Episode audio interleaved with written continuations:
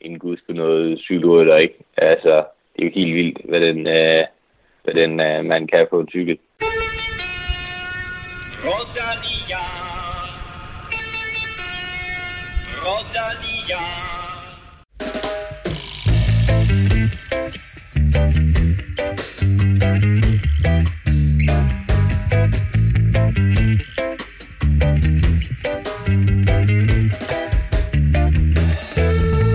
Der er under en måned til Tour de France, og der begynder så småt at tegne sig et billede af, hvordan forhåndsfavoritterne står i forhold til hinanden.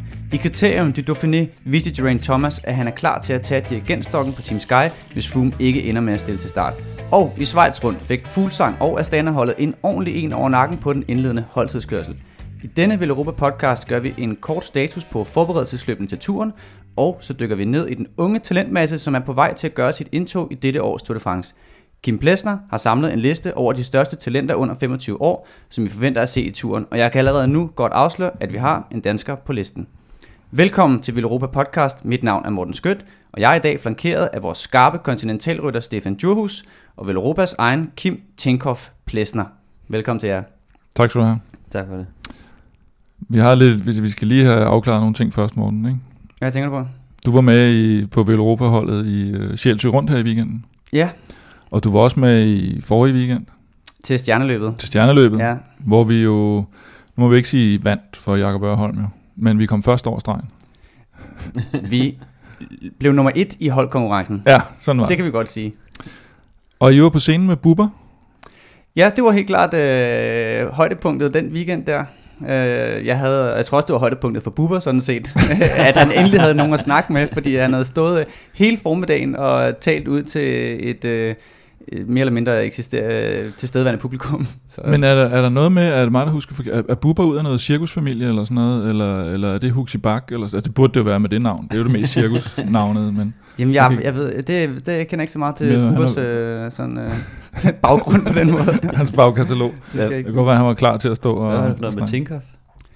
Jamen altså, Jamen, jeg, det så- jeg, jeg, det kan jeg godt. Jeg, jeg føler faktisk, øh, nu ved jeg, hvordan Alberto Contador han har haft det øh, i sin tid på Tinker, fordi at øh, altså Kim han er lidt ligesom, når det, når det går godt for Villeuropa holdet, så er han øh, all over the place, og der er champagne, og vi sætter Instagram i brand og sådan noget.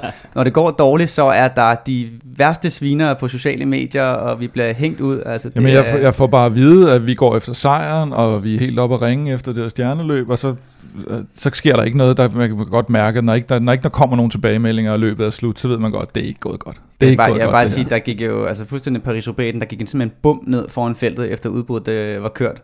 Hvor øh, Bratberg, han, han var ude foran, og så blev ligesom holdt tilbage i to-tre minutter af øh, grisen i Nordsjælland. Okay, Så øh, jeg er ikke sikker på, at vi havde hentet dem alligevel. så det er en øh, force majeure. det, er, det vil jeg helt klart tilskrive, det er i hvert fald en stor del force majeure der. Ja. Ja, jeg synes ikke, vi skal snakke mere om vores øh, udskejelser i diverse Jamen, er lige, motionsløb. Men jeg kunne godt lige tænke mig at høre, øh, nu er jeg ved det, øh, med vores øh, kontinentalrytter herovre, han får, han får kørt nogle cykelløb, eller hvordan det går med det. Øhm, jeg er faktisk øh, så småt begyndt at træne igen.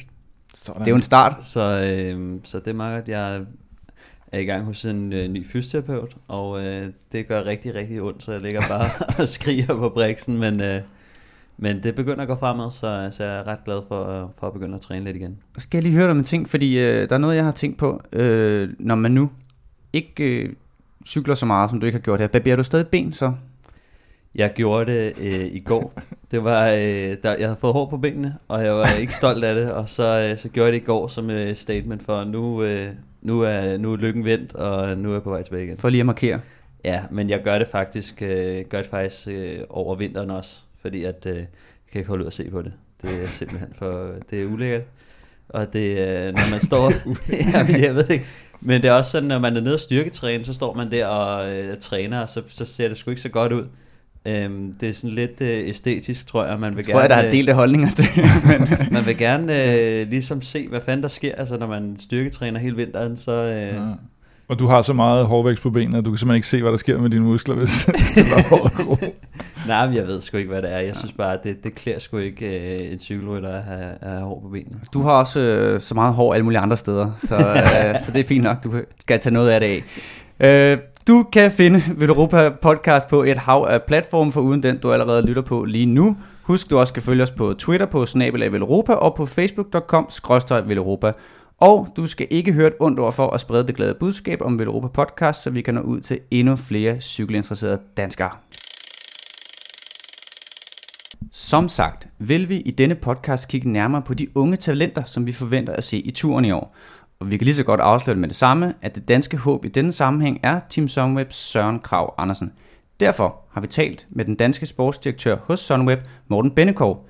Det tyske mandskab forsøgte forgæves at forsvare Dumoulin's Giro-sejr fra sidste år, men måtte til sidst strække hver over for en brølstærk Chris Froome.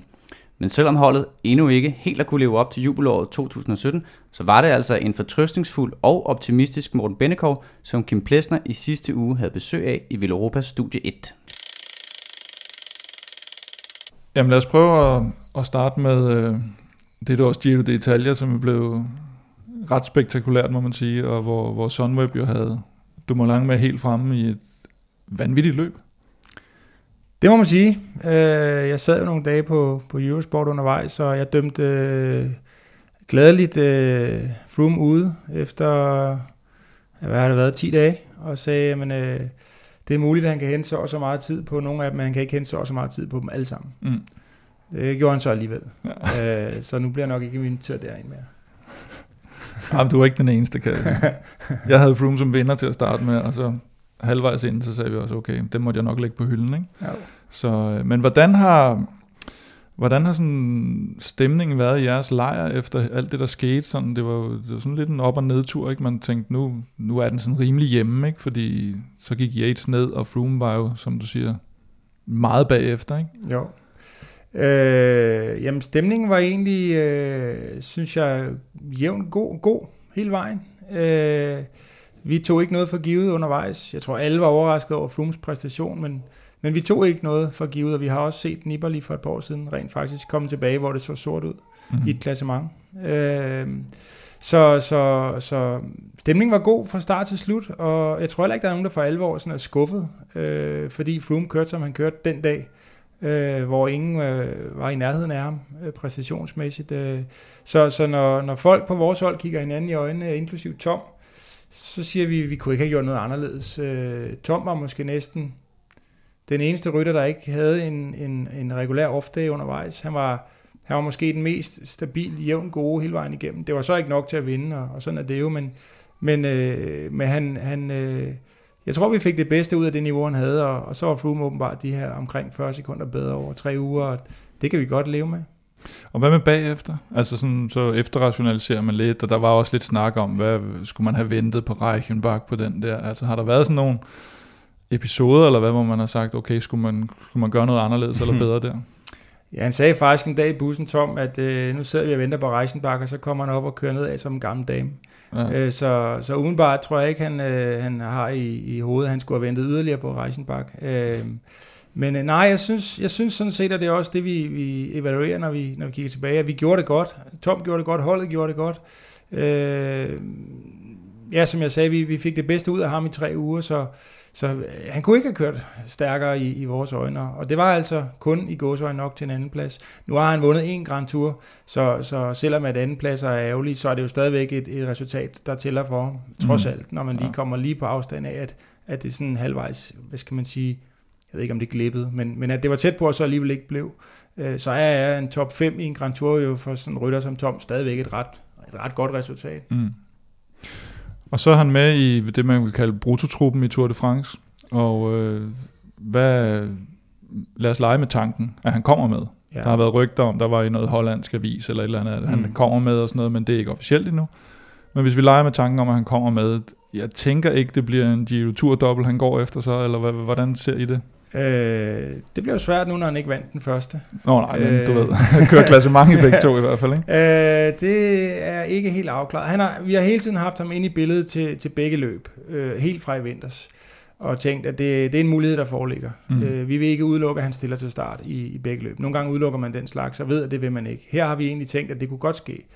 Og jeg synes også, at han kom ud, og vi synes, at han kom ud af Giroen på en måde, som, som gør, at vi stadigvæk tænker, at det, det kan godt blive til noget. Det kan godt blive et løb, hvor han øh, øh, går efter nogle etappesejre. Øh, og det bliver måske også et løb, hvor vi ikke behøver at give klassementet væk fra start. Øh, øh, det er ikke helt afgjort. Nu er vi stadigvæk så kort efter Sion endnu, så, så jeg tror, der er en rigtig, rigtig fin chance for, at han kommer til at køre det. Øh, og vi er stadigvæk sådan lidt øh, afventende i forhold til, hvordan det skal køres. Nu skal vi også lige se Vilko Keltermann i, i Schweiz rundt, som, som starter på lørdag, hvor jeg selv skal ned. Øh, han har været ude længe efter endnu et styrt i en lang række. Øh, han brækker det samme øh, kravben sådan cirka en gang hver anden måned, så det kan ikke repareres mere. Og han er også begyndt at brække den skinne, eller den der metaldims, der sidder derinde Shit. i forvejen. Og vi skal lige se, hvor han er, om han skal køre turen, og hvad han eventuelt kunne, kunne komme til at gå efter. Så, så, og sådan er det jo for alle hold. Vi skal lige køre Schweiz rundt, før at, øh, at vi får de sidste pladser på, på øh, de sidste brækker på plads. Ja. Og en anden, der er med i Schweiz rundt, er jo Søren Krav, som også er med i brutotruppen, men som du siger, stadigvæk ikke afgjort, om han kommer med. Men hvis, øh, hvis han får sin turdebut, hvad, hvilken rolle får han på holdet så? Jamen, øh, vi vil formentlig, uanset hvordan vi ender med at stille op, så vil vi have sådan nogle helt konkrete mål. Øh, enten øh, øh, et klassement med, med Tom, eller måske Vilko. Det kunne godt blive, lad os sige, Tom ikke er klar til et klassement, så kan vi sagtens finde på at køre et, et udviklingsklassement for Vilko og sige, nu, nu satser vi på dig i tre uger, som vi gjorde sidste år i Vueltaen, og så kan det være, at du bliver nummer to, nummer syv eller nummer 12, men det er stadigvæk en læreproces, så vi, vi satser på dig lige meget, stort set, hvordan det går. Sidste år blev han fire i Vueltaen, så det kunne også godt være, at vi sagde, når Tom kommer med etape, løbs, øh, eller etape øh, mål, og Vilko skal køre det bedste klassement, han kan, øh, og forhåbentlig bringer det ham nærmere at, at vinde en en gang. Mm. Øh, så vil vi formentlig have Michael Matthews til at køre de, de lidt sværere spurter, og, og, og alle rytter, der er med, ud over de her to-tre stykker, de vil så være, være øh, i, øh, i supportroller i forhold til de mål. Okay. Også Søren. Og det vil sige, at der er ikke rigtig nogen, der bliver givet fri på, på mellemetapperne i forhold til, at I har så mange andre strenge at spille på? Nej, vi, generelt er vi jo et hold, der ikke sådan er kendt for at give alt for mange fripas øh, mm. ud i forhold til vores performanceplan. Så, så jeg vil sige, med mindre der ligesom sker noget med nogle af dem, vi troede, vi skulle køre for undervejs, og det ligesom bliver lidt mere åbent spil, så, så vil de nok få ret bundne roller. Øh, Søren passer jo godt til den første uge. Øh, han er god på brosten, han er en rigtig god holdløbsrytter, og, og han er god i vind, og, og så videre. Så, så han kunne sagtens være en, en vigtig supportrytter øh, for både en klasse mange rytter og en, og en, øh, en, en, en en rytter, han har sagt, en, en der går efter at vinde etape. Øh, og på den måde er det klart, at, at han, er, han er aktuel øh, i vores, øh, i vores trup. Og det er ikke noget med, at man laver det om, fordi hvis man nu ser på, på sådan, hvad skal man sige, de hårde tal i forhold til sidste år, det var sådan et jubelår med, med Dumoulin i Giroen og Bargill og Matthews, øh, to trøjer og etappesejr i turen. Og, og så i år, så har I vundet, jeg mener, I vundet fire løb eller sådan et eller andet indtil videre i år. Ikke? Selvfølgelig en anden plads i Giroen tæller også, men, ja. men ja. Det, det er ikke noget, der, den går, der går ikke sådan mere quickstep i den, fordi man, øh, fordi man ikke har så mange sejre, at, at man netop giver lidt mere fripas. Nej, for det op. gør der ikke. Øh, jeg tror også med al respekt for os selv, vi har ikke så mange rytter, der kan vinde den slags løb, som, som næsten alle på Quickstep efterhånden kan. Mm. Øh, det skal siges, at sidste år kom vi sådan set også rimelig dårligt fra start, og, og Shiven blev et vendepunkt, og derefter kunne vi jo gå på vandet, og, ja. og havde det, du kalder et jubelår. Det, det vil jeg også kalde det. Mm. Mindre vil også kunne gøre det, men, men øh, vi er kommet måske en tand dårligere fra start i år, end vi gjorde sidste år. Men det var som sagt heller ikke en god start sidste år. Vi har haft mange skader, og vi, vi har haft en del sygdom, og vi er nok også øh, en lille smule underbemandet. Sådan. Øh, jeg, jeg mener, vi er et par rytter for få. Jeg tror, vi bliver flere næste år. Vi er det hold på på OL-turen med færrest rytter. 23 har vi. Øh, så, så vi kan jo stadigvæk håbe på, at det vender ligesom det gjorde sidste år, og vi kan også godt leve med mindre end sidste år, fordi, fordi sidste år der klappede alt stort set fra Sion og, og resten af sæsonen. Øh, og det var sjovt. Øh, og vi endte som nummer 4 på verdensranglisten for hold, hvilket er klart i top af, hvad vi nogensinde kan, kan håbe på med vores budget. Vi plejer at sige, at vi gerne vil i top 10. Så jeg tror, vi ligger nummer 10 lige nu faktisk. Vi, vi har sprunget en del med, med Giro-resultaterne. Så, øh, så hvis vi bare bliver lidt mere heldige resten af året og, og, og kører nogle af de sejre hjem øh, og placeringer, vi gjorde sidste år, så kan det sagtens nå at blive et godt år. Men vi er ikke kommet rigtig godt fra starten. Mm. Og Matthews grøn trøje i turen, man må næsten formode, at Sagan han har tænkt sig at køre hele vejen igennem i år, eller ved man aldrig jo. Men, Nej, det har han sikkert også sidste år. Men det er, stadigvæk, er det stadigvæk en målsætning, eller som du, du siger sådan lidt de hårde spurter, ikke? Øh, er det, er det, man starter med det, og så bliver den grønne trøje en målsætning, hvis den kommer inden for rækkevidde, eller, ja. eller er det som en forsvarende mester, så, så er det allerede et mål fra starten? Det er ikke et uh, decideret mål fra start af. Ja. Øh, Matthews vinder nok ikke de rene massespurter med, med de bedste sprinter i verden, men, øh, men han er jo, som vi også så sidste år, meget udholdende og stabil, og, og han overlever nogle etaper, som, som sådan en som Sagan også overlever, og, og som nogle ryttere kan overleve. Men, men, men han kan jo på den måde sortere øh, nogle af de store sprintere fra sådan i kampen om den grønne trøje.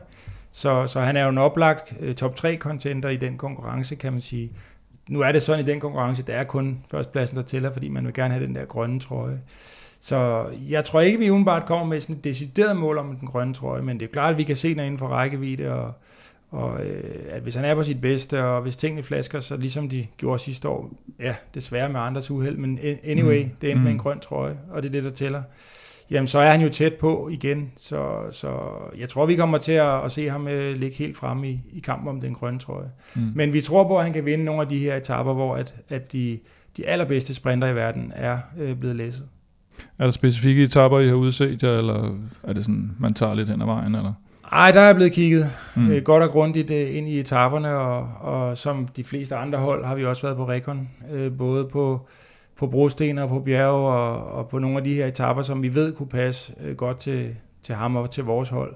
Øh, det, er jo, det er jo helt gængs procedur i dag, at holdene lister rundt og, og mm. kigger på, på profilerne, ikke bare på papiret, men også ud i virkeligheden. Så, så det har vi også gjort, og derfor har vi også nogle etaper, hvor vi ved, at, at i dag må, må Matthews gerne være helt på toppen. Mm. Og så helt generelt uh, Tour de France, øh, hvis nu ikke Keltermann eller Dumoulin vinder den, hvem, uh, hvem, tror du, uh, hvem tror du vinder Tour de France? Mm, ja, efter at have set Sion, så, så tør man jo dårligt sige noget. Øh, I øvrigt synes jeg, det er glædeligt, at, at øh, faktisk alle rytter, ja, på nær Tom i det her tilfælde, har dårlige dage. Øh, ja. Det er jo, det er jo et, et godt tegn, sådan at, at de er menneskelige, Øh, og jeg vil heller ikke sige, at Tom lige frem, fremstod umenneskelig god. Mm. Men han havde et, så ikke en decideret off day. Men jeg kan godt lide, at de har off days. Øh, men det gør det så også en lille smule mere uforudsigeligt. Det var nemmere med Armstrong i gamle dage, som kunne køre 150 tur etaper uden en dårlig dag. Så er det lidt nemmere at sætte kortene på ham.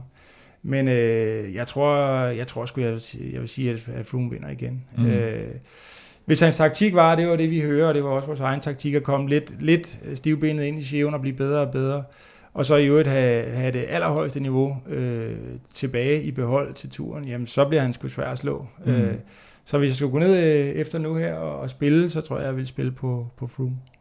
Men netop det der med at, at, at time sin form, det har jeg tænkt på mange gange, i forhold til, specielt i forhold til den her Giro.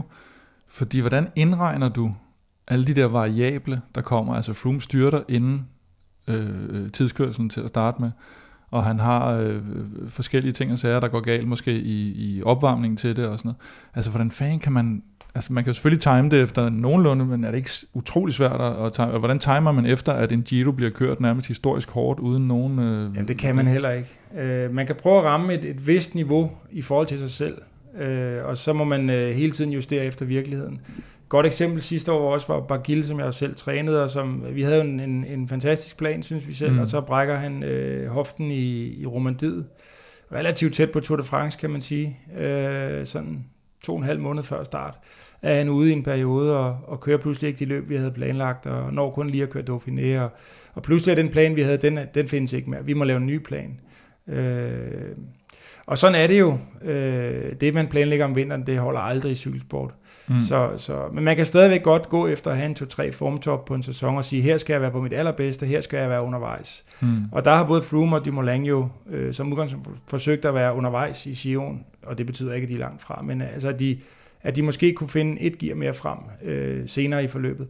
Og det er sådan, man har tænkt på forhånd, og så kan der jo ske alt muligt, både med en selv og med konkurrenterne, som gør, at man må, at man må sadle om. Mm. Ja.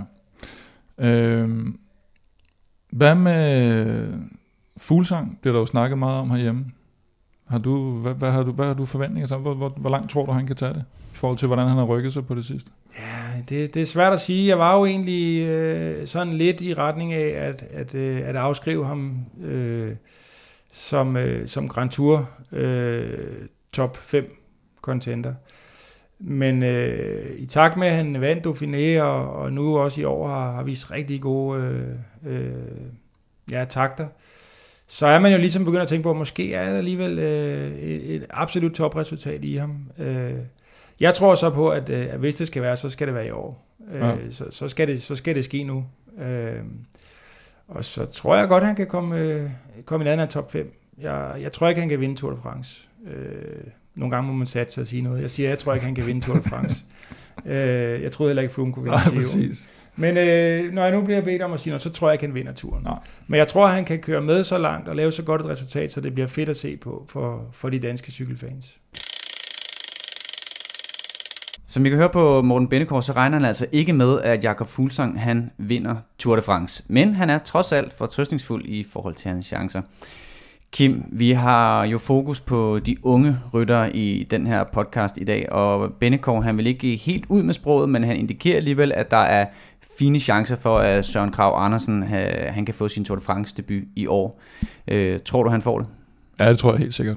Og det tror jeg, når man ser den måde, han kører i Schweiz på, nu har de kun kørt en, hvad er det, en 3-4 etaper, men man så allerede i går, at øh, på, den, på den sidste nedkørsel, hvor han ligger og kører egentlig bare positionskamp for Vilko Keltermann, at, at der er han simpelthen ved at lave hul, fordi han kører så, så, så brølstærkt. Og det, det, det tror jeg helt sikkert, og øh, han, han var heller ikke helt op på top i foråret, så det passer perfekt til, til Søren, det her, tror jeg. Så med andre ord, hvis man, hvis man kigger på Team Sunweb, og de skal finde otte mand, så er det, så er det svært at finde en blandt de, de, de ikke otte, de udtager, som skulle være stærkere end Søren Krav, altså. Jo, men også fordi han jo i en, i en holdtidskørsel er, er, er også rigtig, rigtig stærk. Ja, øh, netop altså Søren Kravs øh, rolle i det her løb, altså Bennekov er, er lidt inde på det, Stefan, men hvordan vil du se øh, Sørens rolle i, i løbet som Tour de France? Jamen, Søren, han kan spille en stor rolle, fordi at øh, for det første, så kan han øh, køre enkeltstarter. Han, er, øh, han kan køre brosten, og han kan køre rimelig opad. Så han er, en, han er en type, der kan blive brugt rigtig meget, og vi så også sidste år, hvor vigtig han var i Vueltaen. Så, øh, så det vil være meget underligt, hvis de ikke tog ham med med, med de egenskaber, han kan, han kan bringe til dem, specielt i den første uge, men også når de begynder at gå ind i de lettere bjerge, eller sådan begyndelsen af bjergene, og jeg tror også, at en af de ting, som Søren han er rigtig god, Søren er jo rigtig god teknisk, det har vi snakket om flere gange, men det er også noget af det, man ser i Schweiz rundt, altså når det, når det pisser ned, og øh, han kan simpelthen skabe hul til folk, fordi at han, han er bare så god. Øh, vi så også, vi så faktisk sidste år i, i Weltan, at han også altså langt ind i tredje uge faktisk var, var blandt de stærkeste tilbage, og var på en lang udbrudsetappe, og Kellerman kommer op, og han sidder og kører for ham op af, op af bjerget på en af de sidste bjergetapper i Weltan, og han kommer rigtig stærkt øh, ud af Weltan og kører topresultat hjem i Paris-Tour og så videre.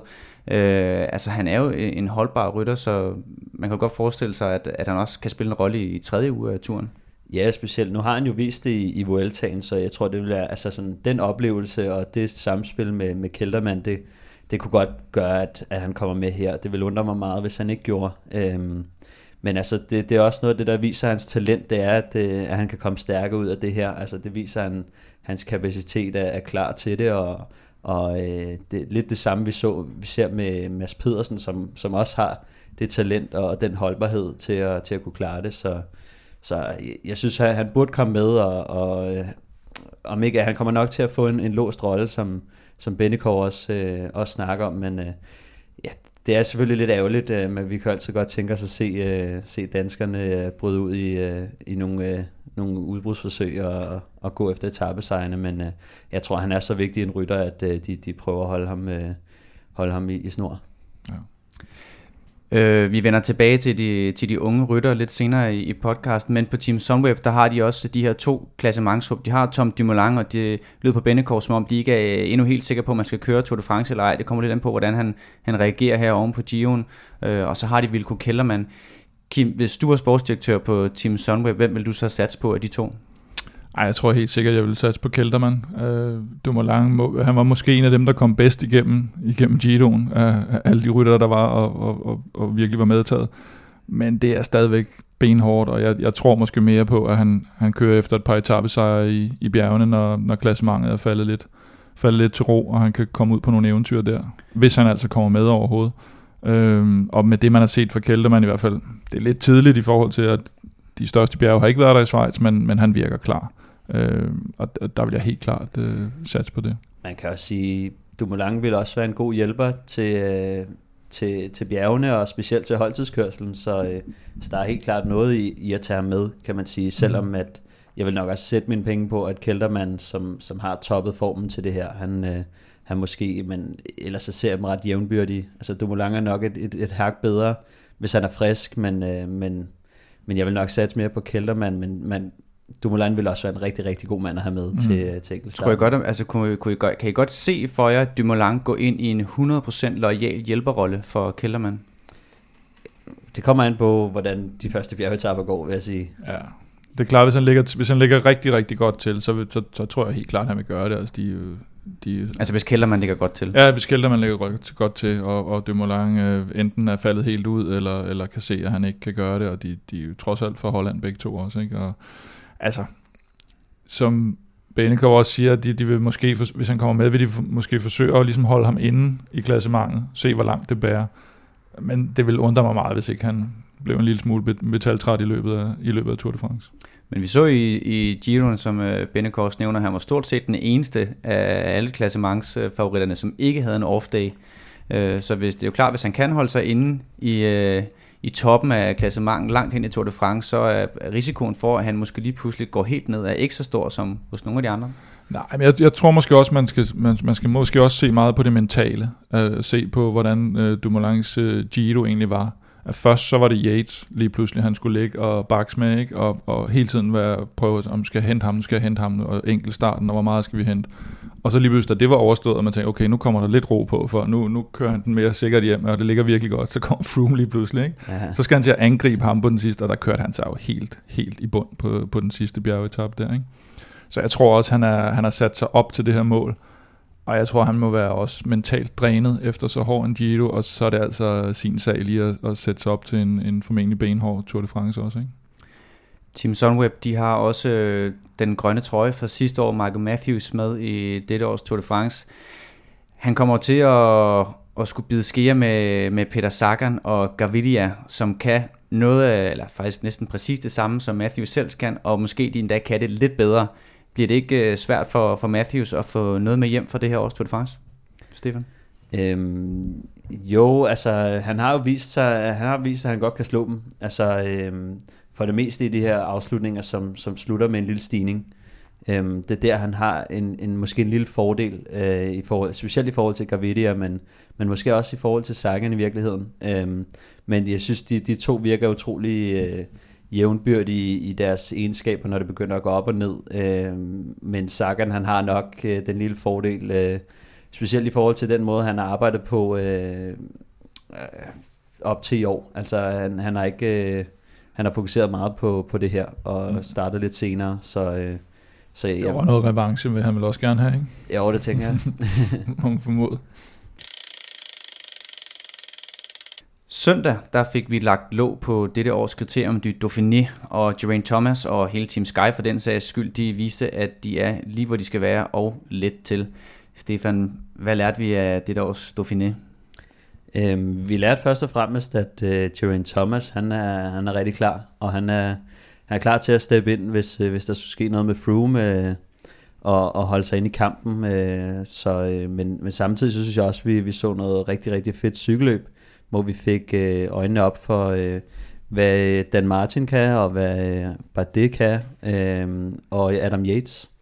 Øhm, og vi så nogle rigtig, rigtig fede øh, bjergeafslutninger, øh, hvor jeg synes specielt, at øh, Dan Martin så, så stærk ud, øhm, som var ved at tage øh, fjerde etape, og så tog han femte etape, og så øh, Geraint Thomas kom også med et, øh, med et rigtig, rigtig flot hug på, øh, på sjette etape, ikke? Øhm, ja. Kim han sidder og smiler lidt derovre. Øh, hvad hedder det? Geraint, øh, Geraint Thomas, øh, han viser altså styrken her. Tror du, at han har en, en mulig kaptajnrolle i turen i, i baghovedet, eller tror du, den dør er lukket? Altså er han indstillet på, at han skal være hjælper i, i Tour de France for Chris Froome? Jeg tror, han er indstillet på, at han skal være hjælper, men, men han, har, jo- han er nødt til at holde døren åben jo.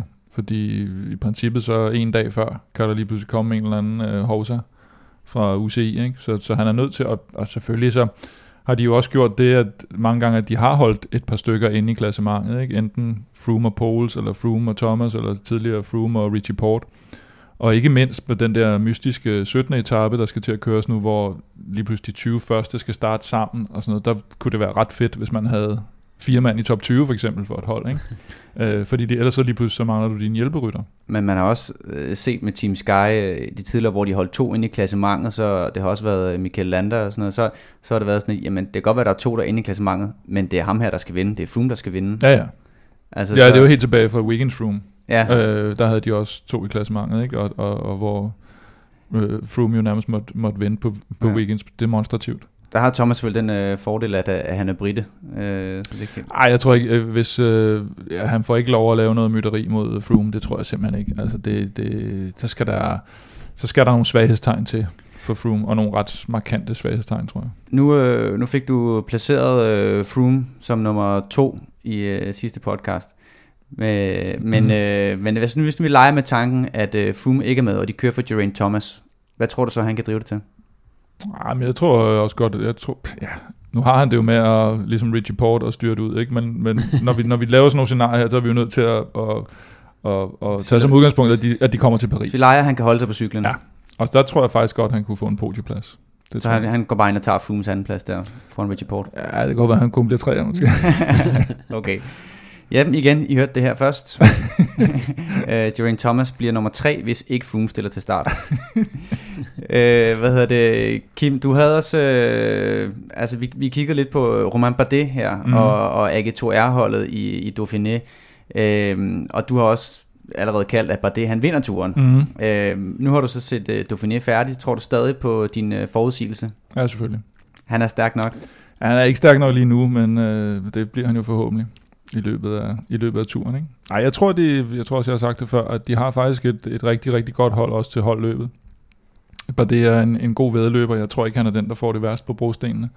Og så synes jeg, at han de seneste par år har vist øh, sig som måske endda den stærkeste i bjergene. Nu er der ikke så mange enkeltstartskilometer i år til at ødelægge det. Øh, og han kan angribe nedad, som vi også så i, i Dauphiné. Ja, han er, altså, han er ikke øh, bleg for at angribe, han er ikke øh, bleg for at opsøge øh, sine chancer. Han virker som en rimelig ukulig optimist, og der var også en, en episode på, på sidste etape, hvor at, øh, Mm. der lige er en øh, ordudveksling med, med Geraint Thomas. Hvad, hvordan ser du det? Jo, men det er jo den der uskrevne regel med, at man ikke må angribe den gule trøje, hvis, hvis den gule trøje kommer i problemer. Øh, problemet for Thomas, synes jeg her var, øh, Thomas, som jeg i øvrigt holder rigtig, rigtig meget af som, som ryttertype, men hans problem var lidt her, at at øh, AG2 er jo faktisk var i gang med at sætte, øh, sætte tempo på feltet, og, og så stopper de jo selvfølgelig ikke. Det kan også godt være, at de lige skruer lidt mere på gashåndtaget, men det må man acceptere i den situation, og han havde også så godt et hold, at han selvfølgelig kom op igen, så jeg synes, den var lidt unødvendig, den der. Øh, og jeg tror ikke, det er sådan en, der... Altså i den sorte bog, tror jeg ikke, det er sådan en, der står aller, aller øverst øh, i forhold til noget rivalisering. I weekenden, der tog vi også hul på det års Schweiz rundt, og øh, Jakob Fuglsang og Astana-holdet, de fik altså lidt af en losing på, den, øh, på holdtidskørslen, hvor det kun lykkedes dem at slå øh, Nipovini Fantini-holdet. øh, så det er jo øh, ikke sådan synderligt imponerende, og, og selvom øh, Fuglsang øh, og Astana, de stiller op med, ja, som sagt, Fuglsang, og Omar Frejle, Oscar Gato, Gustav, Jesper Hansen, Magnus Kort og, og Kangart. Jeg ved godt, det er jo ikke sådan en klassisk tempomaskine af et hold, men jeg synes alligevel, det er lidt for uroligende, at de ligger så langt nede, og de taber 1 minut og 20 på en, øh, en 18 km holdtidskørsel. Stefan, øh, skal, har Fuglsang grund til at være bekymret øh, for det her? Der er jo også en holdtidskørsel, der venter i turen, som er dobbelt så lang. Ja, jeg synes helt klart, at øh, de skal, de skal til at, at panikke lidt. Øhm, fordi at Sådan. det, det, det, Panik, panik. ja, det, det, det, så, det så slet ikke godt ud. Altså, øh, måske har de ikke øh, trænet så meget sammen, og måske øh, har der været nogle, nogle udsving. Altså specielt det der med at sidde på enkeltstartscyklen øh, hver især, men også det der med at træne sammen, rytmen og, og det hele, øh, have, have en eller anden strategi for, øh, hvordan man øh, griber ruten an og, og, og så videre. Det, det kan være noget af det, altså, som, som har gjort, at de har tabt så meget tid. Øhm, Altså, de taber 1 minut og 20 sekunder på, på 18, øh, på 18 km. I øh, turen på tredje etape, der venter der en 35,5 km lang holdtidskørsel. Det er cirka dobbelt så meget. Kan man så, altså, kan man lave regnstykket så simpelt, at så taber de 2 minutter og 40 i turen? Nej, Ej, der er, jo, der er jo mange ting. Altså, det, så skulle man jo også sige, at fordi øh, Magnus Kort der i forgårs ikke sad med, øh, så, kunne han, så, er han jo, så er han ude af form, og så så man i går, så sad han med alligevel, og så var det på grund af varmen. Der er jo selvfølgelig nogle ting, der, der, der skyldes øh, nogle mærkelige omstændigheder, og så bliver der rettet op på det. øh, som man så her også. Og det man kan sige, de har og, og trøste sig lidt med, det er jo, at de specielt har en Michael Valgren i Dauphiné, som jo nærmest bliver deres vigtigste motor i, i holdløbet. De har nogle typer som Grifko, Lutsenko, øh, Cataldo, øh, i princippet også Luis Leon Sanchez, jeg tror slet ikke, han kommer med i Tour de France, men de har i hvert fald, hvis de vil sætte nogle maskiner ind der, så kan, så kan de godt udskifte nogle rytter der, der gør, at det er et helt, helt andet hold, der kommer til at køre, ikke? Hvor, hvor, øh, hvor nogle af de andre hold havde, altså BMC for eksempel i Schweiz, altså var nærmest deres første hold, ikke? Mm. Øh, og Sky i, i Dauphiné var, var ligesom deres første hold. Så der vil være nogle udsving der, helt sikkert, og, og det, det kan kun gå til den bedre side for, for Astana. Jeg tror, hvis de stiller med, med et, et nogenlunde optimalt hold, så skal de køre top 10 øh, i, i, i tur- og. Du nævner uh, Korts form netop, altså han blev, han blev sat på, på anden etape, uh, og det var et, trods alt et, et felt på over, over 60 mand, der kommer ind og, mm. og kører om, om spurten. Nu nævner du varme, men, men det er jo sådan et, et, et felt, hvor Kort han, han normalvis bør sidde med og spurte med om sejren, gør ikke? Absolut, og han var jo også selv skuffet, og hvor alle, der kiggede på det med danske øjne, var tænkte også lidt, uh, hvad, hvad fanden sker der der, ikke? Altså, men han sad jo han sad til gengæld godt med i holdtidskørselen, og, øh, og, og viste jo så med, med femtepladsen i går, at, at, at formen den er, hvor den skal være. Han er normalt også en rytter, som er i nogenlunde form sådan hele tiden. Så du er ikke nærmest, bekymret på Nej, det er, ikke, det er nok ikke på hans vej i hvert fald, øh, at, at Starner skal være bekymret. Det tror jeg ikke. Peter Sagan han vandt sin øh, sejr nummer 16 i Schweiz rundt. Det er rekord, og det er fem mere end Cancelladas 11 sejre i samme løb. Det er øh, ganske imponerende. Øh, Stefan, øh, det her løb, er det bare designet til Peter Sagan? Ja, det kan man måske godt sige. Altså, øh, der er... Øh, der er nogle bakker med, som kan skræmme de aller værste supersprinter, øh, og, øh, og så øh, de, de bakker, der er, det passer egentlig ret godt til ham. Øh, de er ikke de hårdeste i verden, men de kommer alligevel rimelig konsistente, så det kan ligesom skille lidt ud i det, og vi, vi så også, at det, det er jo sådan nogle 60-mandsgrupper, øh, grupper, der kommer til mål, så, så ja, det, det ser ret skræddersyet ud til, til en type som Sagan, og selvfølgelig også øh, Gaviria og Matthews, men, øh, men, men Sagan han viser lige, at han har en, en anelse topfart på dem. Kim, bliver der vist øh, Schweiz rundt på caféen her i den kommende weekend? Ja, det gør der bestemt. Det gør der. Så synes, øh, F- så finale etaperne der, ja. Præcis. Så synes jeg, at øh, I derude øh, skal slå vejen forbi Bispingen 1 og se noget cykelløb sammen med andre cykelinteresserede her på Veloropa Café. Så skal vi som lovet til at kigge lidt nærmere på nogle af de unge ryttere, som du måske skal holde vågent øje med i dette års Tour de France. Vi har denne gang valgt at sætte fokus på ryttere, der er under 25 år gamle. Og en af dem er det kolumbianske sprintertalent Fernando Gaviria, og ham kører danske Kasper Askren på hold med hos Quickstep. Kim Plesner fik en snak med Askren om, hvem han egentlig er, altså Gaviria, og selvfølgelig også en status på Kaspers egen udvikling på World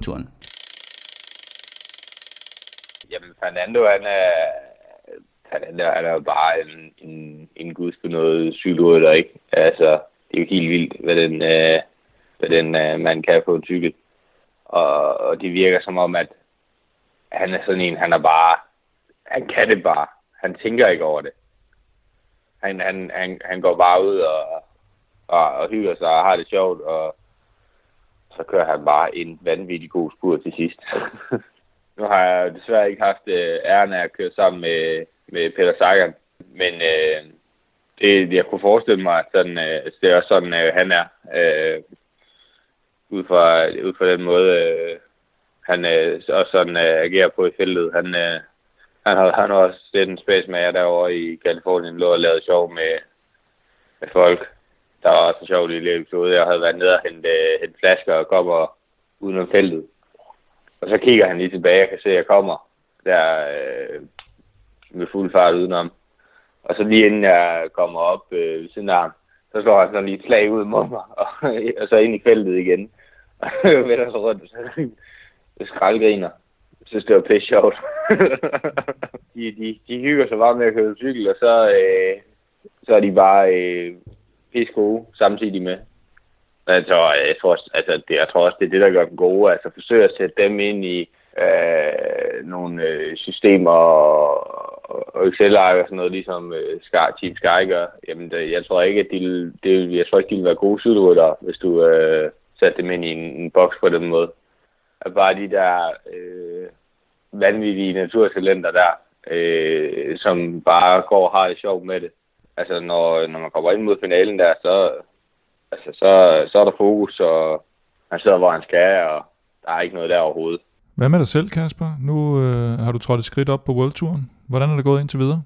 Det går, øh, det går meget godt, synes jeg. Det går bedre, end jeg havde forventet, vil jeg sige. øh, så øh, det, det er jeg selvfølgelig øh, super glad for. Jeg tror bare, øh, at jeg havde, jeg havde måske op i hovedet øh, gjort det lidt sværere eller, eller hårdere. Øh, end det måske egentlig var ikke, fordi det skulle som det var nemt. Og det var det overhovedet ikke. Øh, for, altså nu, nu uh, snakker jeg om øh, Kalifornien, der er som min første World Tour løb, ikke? Og, og det eneste World Tour løb, jeg har kørt indtil nu. Jeg tror, at jeg havde, jeg tror, jeg havde, havde, havde øh, gjort det værre for mig selv ind i hovedet, øh, inden jeg tog det over, end, øh, end det egentlig endte med at være. Og det var jeg selvfølgelig glad for, da jeg så kom over og kom i gang med at køre løbet, at jeg kunne se, at jeg, jeg, jeg godt kunne være med. Jeg havde det frygtet på de der bjergesarbejde jeg kom til at sidde og bøvle med at, og, og holde med øh, uh, Coupettoen, ikke? Uh, og man har hørt fra, fra Anders Lund, uh, der var på 23 landsholdet, at hans største overraskelse, da han blev professionel, det var, at, eller det var, hvor stærkt de tunge rytter, de kører op af. Uh, så tænkte jeg, fuck mand, det, det kan godt blive, uh, det kan godt blive nogle lange dage, der så de der bjerge, bjergetapper, der er de profiler, der var der. Uh, men, men det ender med, at jeg er øh, sidste mand ved vores øh, klassementsrytter og sidder og sætter omkring øh, 30 rytter tilbage i, i, i gruppen. Ikke? Det har jeg overhovedet ikke regnet med, da jeg tog det over, og det var selvfølgelig, øh, det var selvfølgelig fedt at, at se, at øh, jeg kunne være med der. Har det så været din største oplevelse hos Quickstep indtil videre? Ja, så, så var det også øh, vanvittigt fedt at vinde ned i øh, Limburg. Vi kører øh, et mega godt øh, holdløb dernede, og det var, det var, det var selvfølgelig en super fed oplevelse at, at vinde der. Jeg ved ikke, hvor meget du følger med på den hjemlige scene nu, hvor du er blevet kæmpestjerne og professionel hos Quickstep, men vi vandt jo også, vel Europa vandt jo også stjerneløbet, holdløb. Øh, hvordan rater du umiddelbart det og den sejr i forhold til dig og Quickstep og, og sejren i Limburg? Ja, men altså helt klart det stjerneløbet jo. Det har jo, det har jo historikken, og det har de store, de helt store vinder fra, øh, fra gammel tid jo. Ja, så helt, helt klart stjerneløbet. Ja, interessant at høre Askren og hans øh, syn på Gaviria. Men øh, Kim, der er jo flere end den øh, unge kolumbianer her. Du har lavet en liste over dem, vi ved, og dem vi formoder står på startstregen den 7. juli på den lille ø Noirmoutier. Jeg håber, jeg sagde det rigtigt. Øhm, du har kigget på listen her. Er det, er det en, en særligt talentfuld flok, som vi har i år, sammenlignet med, med de senere år? Jeg synes, der er ved at komme rigtig, rigtig mange interessante navne, ikke kun på den danske front, som vi jo har været til, men også, at vi, at vi ser sådan nogle små gennembrud rundt omkring af, af rytter, som Max Soler, der vinder Paris-Nice, og og folk, der bryder igennem. Øh, og så kan man sige, at, at der er selvfølgelig de her typer som Gaviria, Tish Benoit, Dylan Gronevæggen, Mark Soler, Caleb Ewan, Johnny Moscon, som de fleste efterhånden har set i, i, i de større løb, og dem kender vi. De er alle sammen under 25. Så alene det er en, en, en virkelig talentfuld flok. Øh, og så er der jo en, øh, en type som øh, Egon Bernal, som vi kalder ham for, som, som ser ud til at få øh, sin Tour de France debut allerede nu her i en, i en alder af 21 år. Og, og, altså for mig at se, at det, det er jo et af de mest vanvittige talenter, jeg nogensinde har set.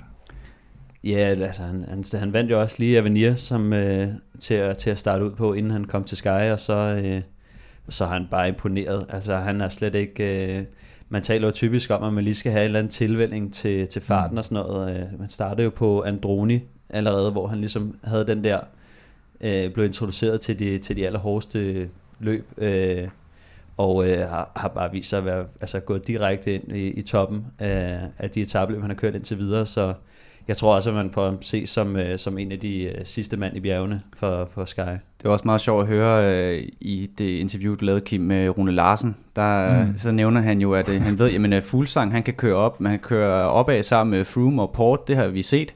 Men ham der, Egon der, ham var han altså en lille smule bekymret for. Ja, ja men det er sådan en, en og jeg tror også sådan lidt, jamen hvad, hvad nu hvis han kører så stærkt på, på Team Sky der, ikke? og i forhold til Froome, der er lidt slidt efter, efter Giro, ikke? og man, man så jo trods alt uh, uh, Geraint Thomas der, der, der, der får lidt problemer til sidst i Dauphiné, ikke? Altså, hvad nu hvis han kører som den der maskine og lægger til i klassementet, ikke? Ja, jeg tror egentlig, øh, han er en bedre bjergrytter end Jeremy Thomas. Øhm, Ja. Altså, så, øh, så det bliver ret spændende at se, om han også kan holde sig inde i kampen. Altså, jeg- ville så, hvis han havde fri hænder, så havde han kørt top 10. Det, der, det regner da med.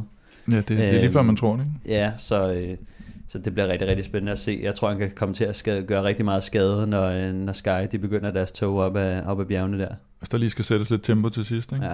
Og så var der jo øh, en favorit for os alle sammen, tror jeg godt, vi kan sige, øh, Pierre Latour, ja. som vi så i Dauphiné, altså en, en, en virkelig ved løber, ikke? og som vinder ungdomstrøjen der og bliver syv, selvom han kører for, for Bardet. Han øh, og, og er faktisk fransk enkeltstartsmester, og også en af dem, i forhold til mit øh, vilde bud på Bardet, at, at ham i en holdtidskørsel, ikke? Det, det er heller ikke en helt skidt motor at have med der. Nej, altså, han lavede nogle fede, fede angreb i, i Dauphiné, øh, hvor han bare kører. Øh, også nogle gange for spids, altså. Og øh, han er en rigtig angriber. Øh, det kunne være sjovt at se ham i, i, nogle, i nogle udbrud, eller, eller et tidligt udspil, øh, øh, og måske kan hjælpe det på den måde, men, øh, men, men, men en rigtig fed rytter, øh, som, som, som meget, angriber meget, ikke? Øh, ja. Jo, og bliver 8 i Romandiet og 3 i Katalonien også, ikke? Og, og som 22-årig vinder han en etape i Vueltaen. Og der mener Ja. jeg også, at han lå og most i det der øh, tunge, tunge gear, ikke? øh, fantastisk rytter. Så havde vi jo Søren Krav, som vi lidt har været inde på og, og har vendt. Øhm, og så er der en øh, Thomas Boudin, som jeg nærmest havde glemt jo, fordi jeg troede stadigvæk, at øh, Kokar kørte for direkte energi. ja. Men det er måske en ny sprinter, vi får, får på banen der. Ja, han er jo sådan en, øh, han er jo ikke en, en, en rendyrket sprinter, men, øh, men han er en af dem med, med en rigtig god øh, afslutning, som øh, måske sådan lidt øh, Colbrelli-typen, øh, som, som måske kan drille lidt på, øh, på de tricky afslutninger. Øh, men jeg tror, vi får måske at se turen i de her udbudsforsøg, øh, forsøg, øh, fordi at de rigtige energi, de, de er jo et, et udbryderhold øh, i turen, de vil gerne frem og se, så, og kan han ramme en af de udbrud, som, øh, som holder hjem, øh, så, så kunne han være en, øh, der kunne overraske med, med sin rigtig gode spurt. Så du tror ikke, at de kører, kører ham som sprinter på, på de flade? Ja, Jeg, tror, jeg tror, man kan godt se ham snige sig ind i top 10, men altså, øh, jeg tror, at øh, jeg tror ikke, han, han bliver holdt helt tilbage for, for, for at køre de der sprinter. Og, Mm. og, men jeg tror, han kan klemme sig ind i top 10 øh, på, på nogle etaper, og man så jo også, han, han har jo vundet en etape i, i Ruta del Sol i år, og, og, og Grand Prix Cholet øh, Mm. vandt han også. Øh, så, øh, så en spændende rytter, som, øh, som vi måske får at se i år. en af mine, øh, en af mine absolute for. Jeg kan virkelig godt lide, lide rytter med gode navne, jo, ikke? Ja. Og øh, An- Antoine Tolhog fra Lotto Jumbo. Jeg, jeg mener, der, der er også noget med Antoine i, øh, i Pulp Fiction eller sådan noget. Det er ham med The Foot Massage eller sådan et eller andet, tror jeg. en blanding af et Star Wars navn Jeg synes, og det- Pulp Fiction Ja, det, navn. det er helt, helt fantastisk. Og så har han jo faktisk kørt pisse man godt, ikke? Altså bliver fire på kongetappen i, i Kalifornien efter Bernal, Maika og Adam Yates, øh, og bliver 11 i Dauphiné, ikke? Og så er han, øh, så er han sindssygt stabil, ikke? Har, hans dårligste resultat i år, det er en 16. plads i øh, Abu Dhabi Tour. øh, spørgsmålet er, om han kommer med selvfølgelig. Lotto og Jumbo har jo både øh, Kreuzweg og, og, og, hvad hedder det, Roglic.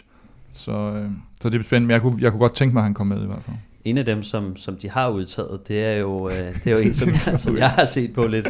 Øh, den, øh, den norske, det norske skur, der hedder øh, Åmund Grøndal øh, Jansen, som, øh, Det er også et godt navn. som også er rigtig godt. Ja. Jeg har også øh, kørt en lille smule øh, mod, og man kørte jo på, øh, på det norske team øh, Joker. Ja. Ja.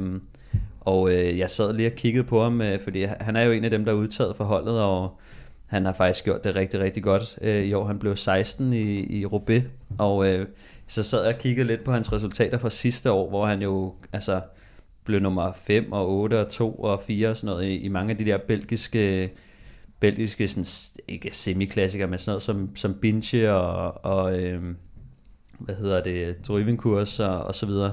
Og det er nogle utrolig svære løb. Øh, så øh, så det, jeg tror, de har, de har nok taget ham med for at, for at, kunne, for at kunne føre lidt og for, for enkeltstartsevnerne. Og brostensetappen måske. ikke? Brostensetappen Ja. Han er jo en, han, jeg tror, han er 1,89 høj og vejer nogen af 87 kilo eller sådan noget. Han er en Ja. kæmpe gut, så, Ja. ja.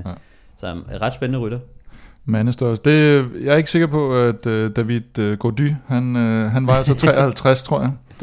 øh, og jeg havde faktisk set meget frem til at skulle se ham lidt her i Dauphiné, og, og nu hvor Pinot var slidt af Giro, og, og, og ikke skal køre klassement i turen, og Jeg ved også, at Mark Madio har et godt øje til ham her, som, som en afløser selvfølgelig. Han er, han er også kun 21 og vandt, øh, vandt øh, Lavinia for, for to år siden. Og så styrter han og smadrer sin ene finger fuldstændig. og så tænker jeg også lidt, hvorfor fanden, altså tag ham derud, for fanden, glem, glem ham til turen, ikke? Og, ja og så på sidste etape, så sidder han med i det, i det stærke udbrud der, og, og, og angriber også til sidst, tror jeg faktisk lige inden, uh, inden Navarro. Øh, kører 9'er i Flash Vallon sidste år som 20-årig, og bliver 12'er i Katalonien i år. Øh, jeg ved ikke, om de har tænkt sig at, at smide ham ind som, som klassement, altså når, de har jo ikke andre. Nej, altså hans alder og det, han har vist indtil videre, det, det, er, jo, det er jo stort, så, øh, så jeg tror, det, det er en rytter, som, som de gerne vil holde på.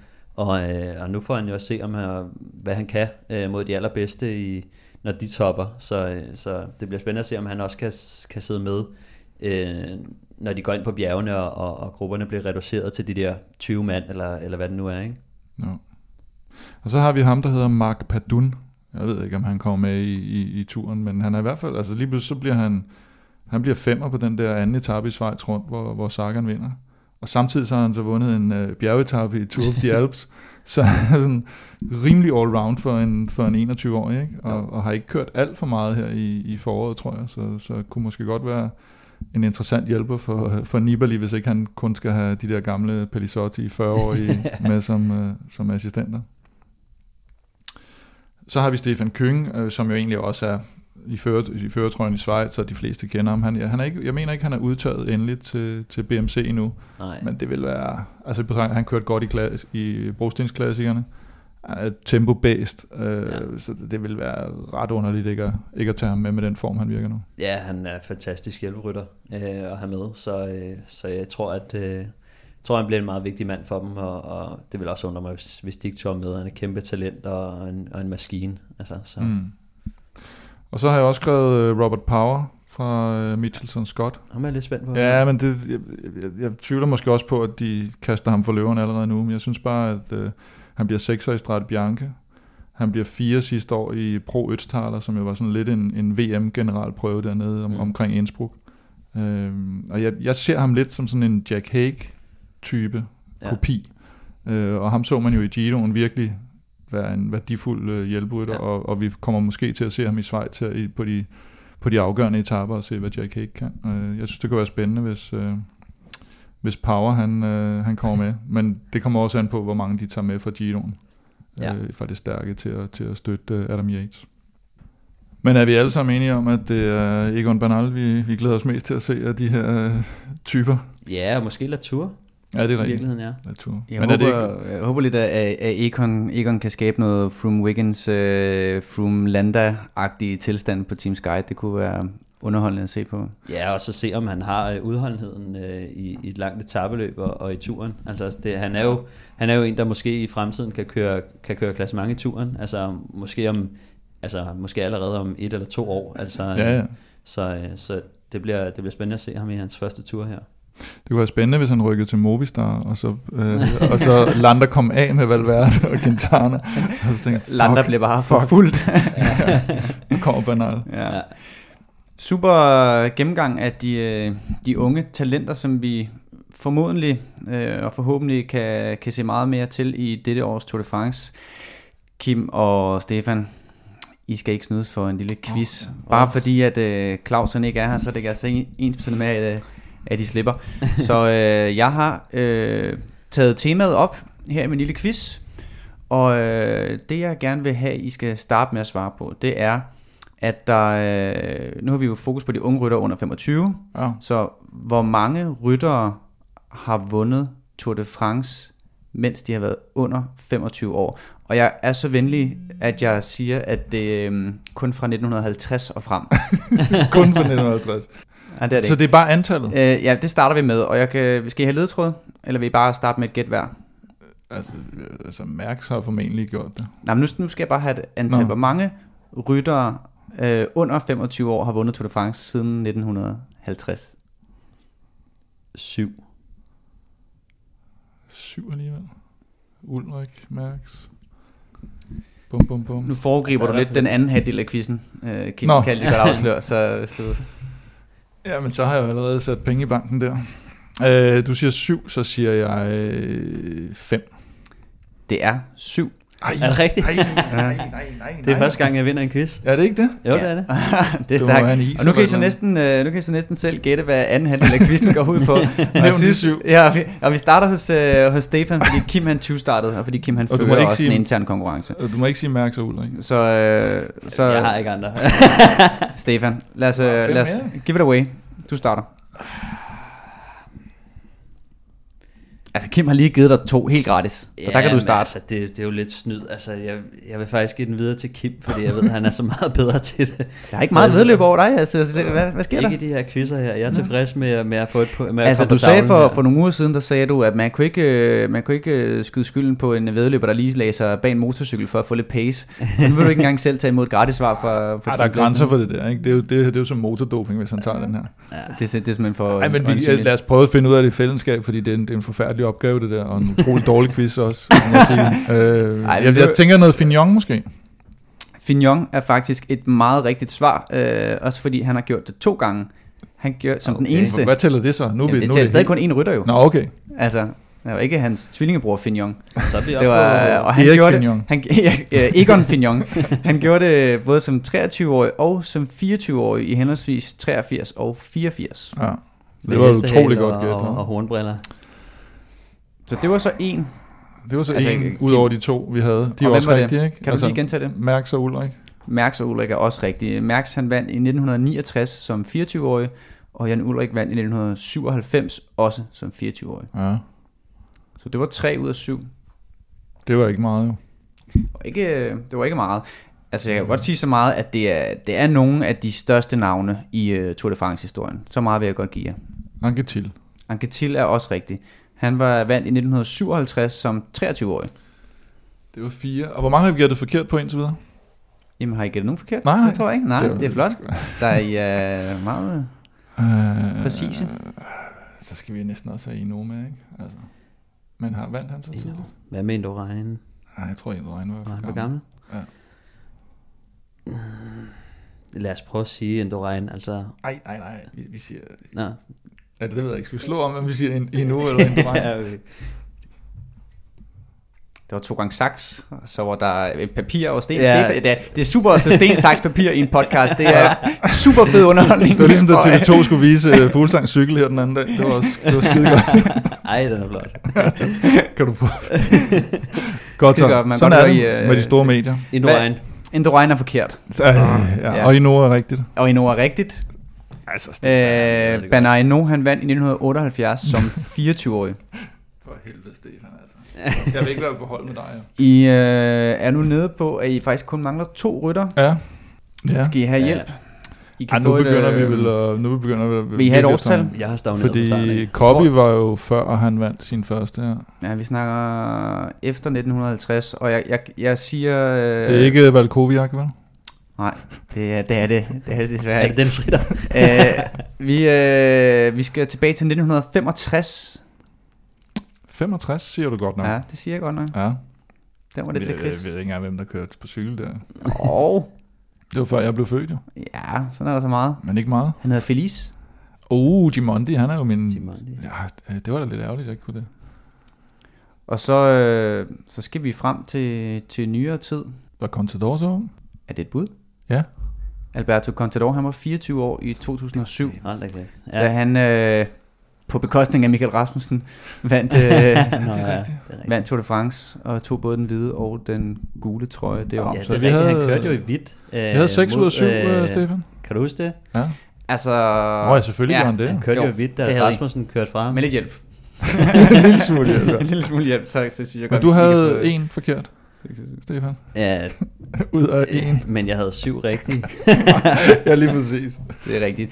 Øh, super godt. Øh, Super godt. Jeg synes, Super. I, øh, I, klarede det rigtig, I klarede det rigtig fint. Øh, tak for en, øh, en god indsats.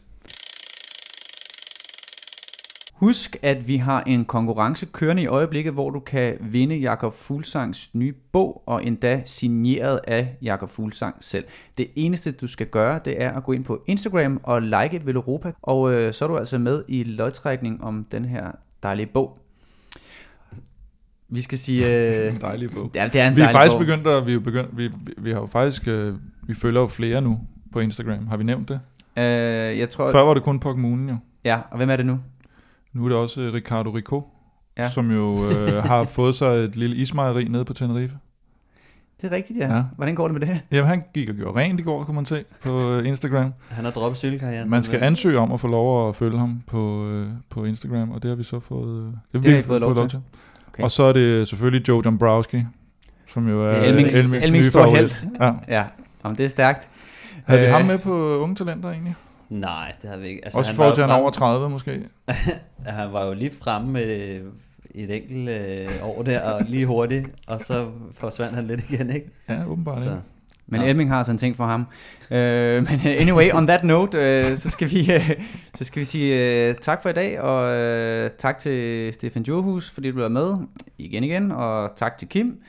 Og øh, hvis du derude ikke allerede har gjort det, så smut øh, gerne ind og stik os en lille anmeldelse i din podcast-app. Det betyder rigtig meget for os, og det er med til at holde skruen i vandet, så vi kan nå ud til endnu flere med vores program. Og så skal jeg huske at sige, at der er fællestræning onsdag kl. 17.30, afgang fra caféen, og det samme igen på søndag kl. 9. Og sådan er det alle uger, og det er super sjovt, og de fleste kan være med, hvis man har i lidt god form og en god racercykel, og man må også godt komme, selvom man ikke har barberet ben. Okay. Du kan følge Kim på Twitter på snabelag Europa, og Stefan Johus på snabelag Stefan Johus, og det er det med de mange uger. Og du kan sågar også følge mig, hvis du skulle have lyst til det, på snabelag MSKOETT. Ja. Tak for nu, og tak fordi du lyttede med.